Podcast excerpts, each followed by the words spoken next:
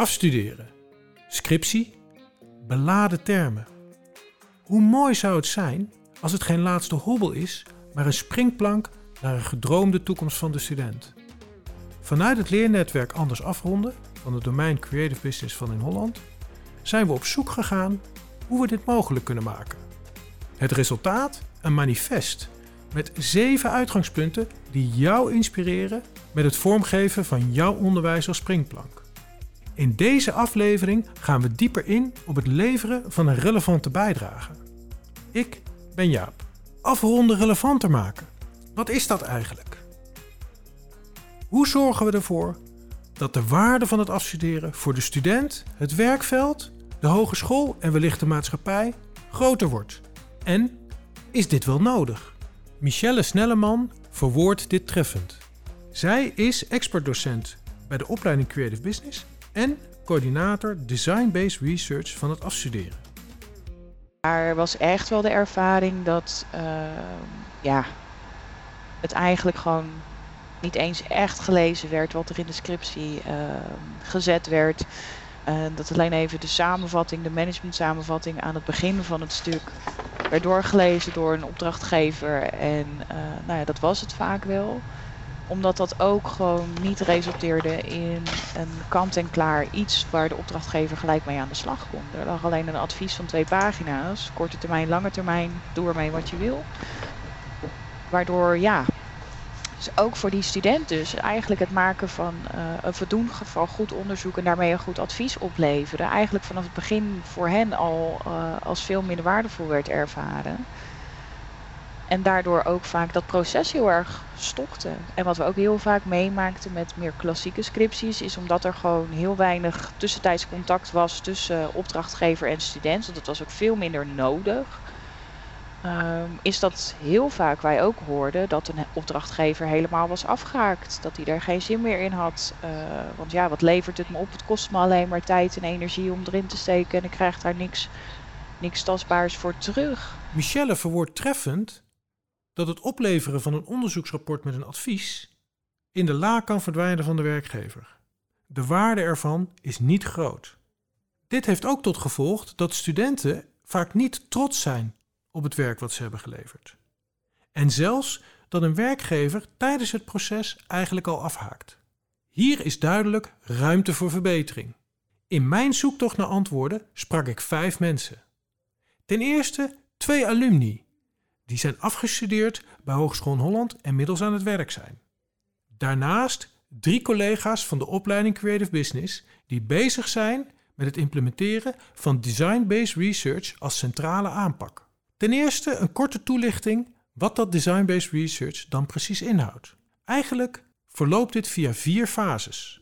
De eerste is de discover fase, waarin studenten kritisch kijken naar het probleem en het probleem achter het probleem. Daarna de framing fase, waarin velelei oplossingen al getest, bekeken en verkend worden. Stap 3 is de develop fase, waar de meest aantrekkelijke concepten ontwikkeld en getest worden. En tot slot de deliver fase, waarin het beste concept verder wordt ontwikkeld en geïmplementeerd. Interessant is hier dat tijdens het hele proces op wekelijkse basis met alle stakeholders, opdrachtgever, doelgroepen, etc., getoetst, getest wordt, input wordt opgehaald en feedback wordt opgehaald. Eigenlijk dus een vorm van co-creatie. Ik neem je in deze podcast mee langs de waarde van dit nieuwe programma voor het werkveld, voor studenten zelf en voor de hogeschool. Laten we beginnen met de waarde van deze vorm voor het werkveld. Michelle Snelleman is aan het woord. Nou, ik moet wel zeggen dat, dat eigenlijk de eerste ervaringen echt op het gebied uh, uh, van eindproducten richting opdrachtgevers, dat die wel zeer positief zijn. Ik heb tot nu toe al meer studenten gesproken van de eerste lichting Design-Based Research, die daadwerkelijk zien dat hun eindproduct in dezelfde vorm of misschien iets aangepast eigenlijk direct door een opdrachtgever zijn geïmplementeerd. Het werk van studenten verdwijnt dus niet meer in een la. Dat is goed nieuws. Ook Joke van den Oever, accountmanager Creative Business in Holland Den Haag, deelt haar ervaringen. Nou, wat ik zelf zie is dat uh, zodra ik ook ga praten met, met, uh, met opdrachtgevers die met ons mee willen doen, zijn ze in eerste instantie al leidend enthousiast over het, het concept. En dat komt dat vaak doordat studenten ook echt iets gaan maken. Dus dat stukje maken en een product opleveren, wat een antwoord geeft op dat, uh, op dat probleem, op het vraagstuk. Nou, daar, uh, daar krijg ik gewoon hele goede berichten over. Nou, opdrachtgevers zijn tevreden ook over het niveau zelfs waarin het wordt opgeleverd. Het is een bepaald niveau waar, waarmee ze echt iets kunnen gaan doen. Maar ik merk ook dat ze andere mensen naar ons doorsturen. Met de waarde van de producten lijkt het dus wel goed te zitten.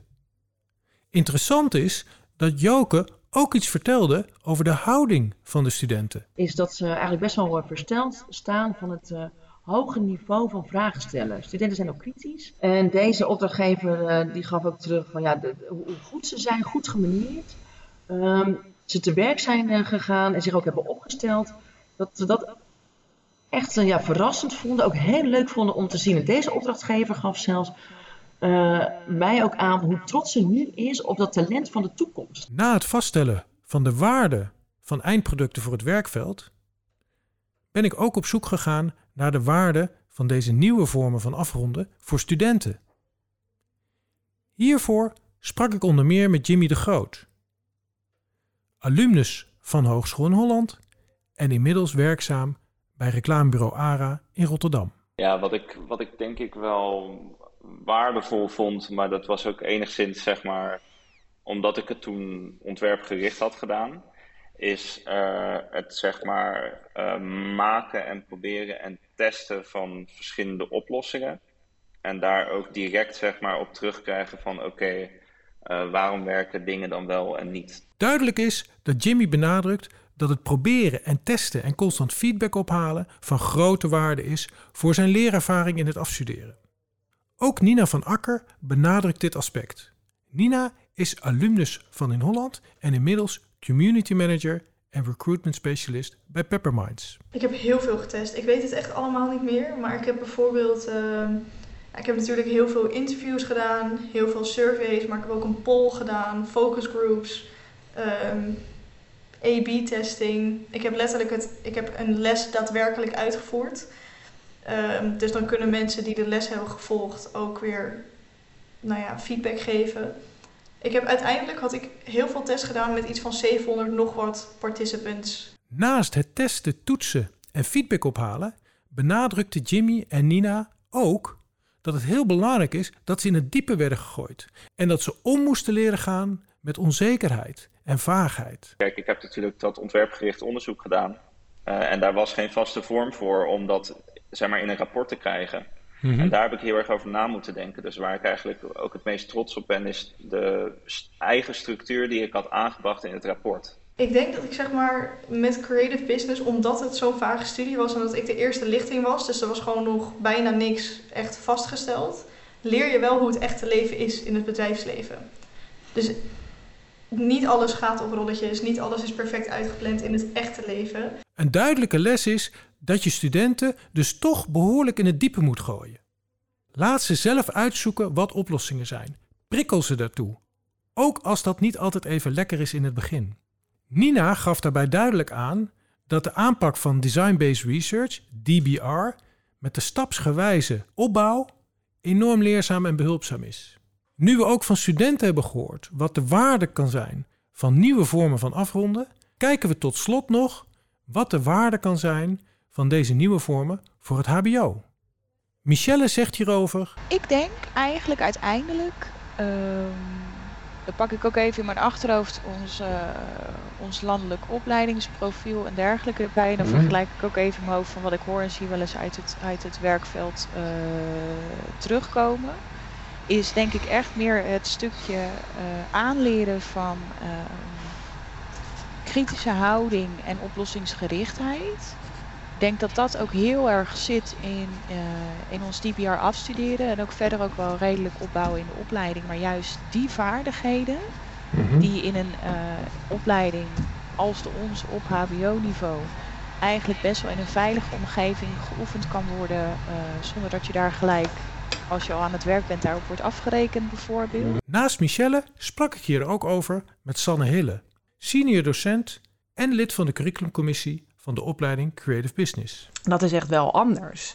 Ik heb, uh, ben 17 jaar lang, denk ik, uh, al uh, begeleider van afstudeerwerk. En ja, het, is natuurlijk heel vaak voorgekomen dat je bijvoorbeeld tijdens een presentatie zit, of misschien dat je iemand niet gevolgd hebt en dan als tweede assessor ergens zit. En dat je echt denkt, ja, was dit nou wel het probleem? Heb je nou wel iets mm-hmm. gemaakt of onderzocht wat nou echt eigenlijk het echte probleem was? Of ben je gewoon inderdaad aan de slag gegaan met die vraag van die opdrachtgever en um, ja, dan komt dit er ook uit. Hè? Het logische gevolg van uh, waar je mee gestart bent. En ik denk dat we dat wel echt, nou ja, dat dat onderscheidend is. En dat dat natuurlijk ook ja. echt wel een, een, meerwaarde heeft en, en verrassend ja. is. En ja, ik denk dat dat wel uh, nodig is ook in deze tijd waarin ja, dat, je, dat je als student, als, nou ja, als jong professional, zonder dat je daar uh, heel eigenwijs, dat je het natuurlijk wel kan onderbouwen waarom je keuzes maakt, maar dat je wel ook gewoon durft te kiezen voor een andere, uh, ja, andere richting, andere oplossingsrichtingen dan waarmee, ja, waarmee iemand jou op pad gestuurd heeft. Ja, hey, en um, kijk, ik probeer uh, in het traditionele traject studenten ook te zeggen: wat is de vraag achter de vraag en doe een kritische probleemanalyse. Uh, wat maakt volgens jou dat dat in, in die traditionele opzet minder gebeurt en dat dat in die discoverfase van Design Research wel, wel vaker gebeurt, om het zo maar te zeggen? Ja, nou, ik denk dat het, als we nou eventjes ook misschien wat onerbiedig mogen zeggen van de studenten die inderdaad heel sterk zijn, heel analytisch zijn en heel goed zijn, die, die, die krijgen dat wel voor elkaar, denk ik. En om, mm -hmm. om inderdaad die vraag achter die vraag te, uh, te onderzoeken en met, met meer verrassende uh, uh, inzichten te komen. Maar er is natuurlijk ook gewoon een hele ja, een grote groep die dat, die dat lastiger vindt. En, um, hè, en dan als misschien rond zo'n zesje hangt en ja, wel goed het werk heeft uitgevoerd, maar niet um, dat niet voor elkaar heeft gekregen. Ik denk wel dat dat nu, dat dat nu zeg maar, met deze vorm makkelijker kan. Dus dat je, dat je ook gedwongen wordt om um, um, ja, andere richtingen te bekijken, het op te pakken en het van de andere kant te bekijken, dan wanneer je meer die lineaire lijn volgt. Ja, de mindset is wel echt, uh, die past heel goed bij, uh, bij onze, uh, nou ja, bij de in Holland slogan van durf te leren, durven ook fouten te maken, durven uit te proberen.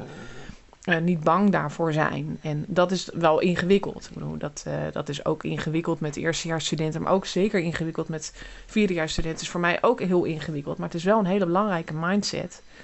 Uh, om, om gewoon maar eens te gaan doen, om maar gewoon eens te gaan pielen, om dingen op papier te zetten of en, en daarover in gesprek te gaan. feedback vragen. Concluderend. Anders afronden. We hebben gekeken naar het werkveld. Wat kan daar de relevantie zijn voor nieuwe vormen? We hebben het aan studenten gevraagd en we hebben gekeken naar de rol die een hogeschool daarin kan vervullen. Duidelijk is dat hogescholen bij uitstek de plek kunnen zijn waar studenten op een veilige en stimulerende manier in het diepe gegooid kunnen worden. Ze kunnen daar oefenen, co-creëren en verdiepen. En er is ruimte en tijd om fouten te maken en echt te leren. En dat levert dan mooie, relevante bijdragen op voor alle betrokken partijen.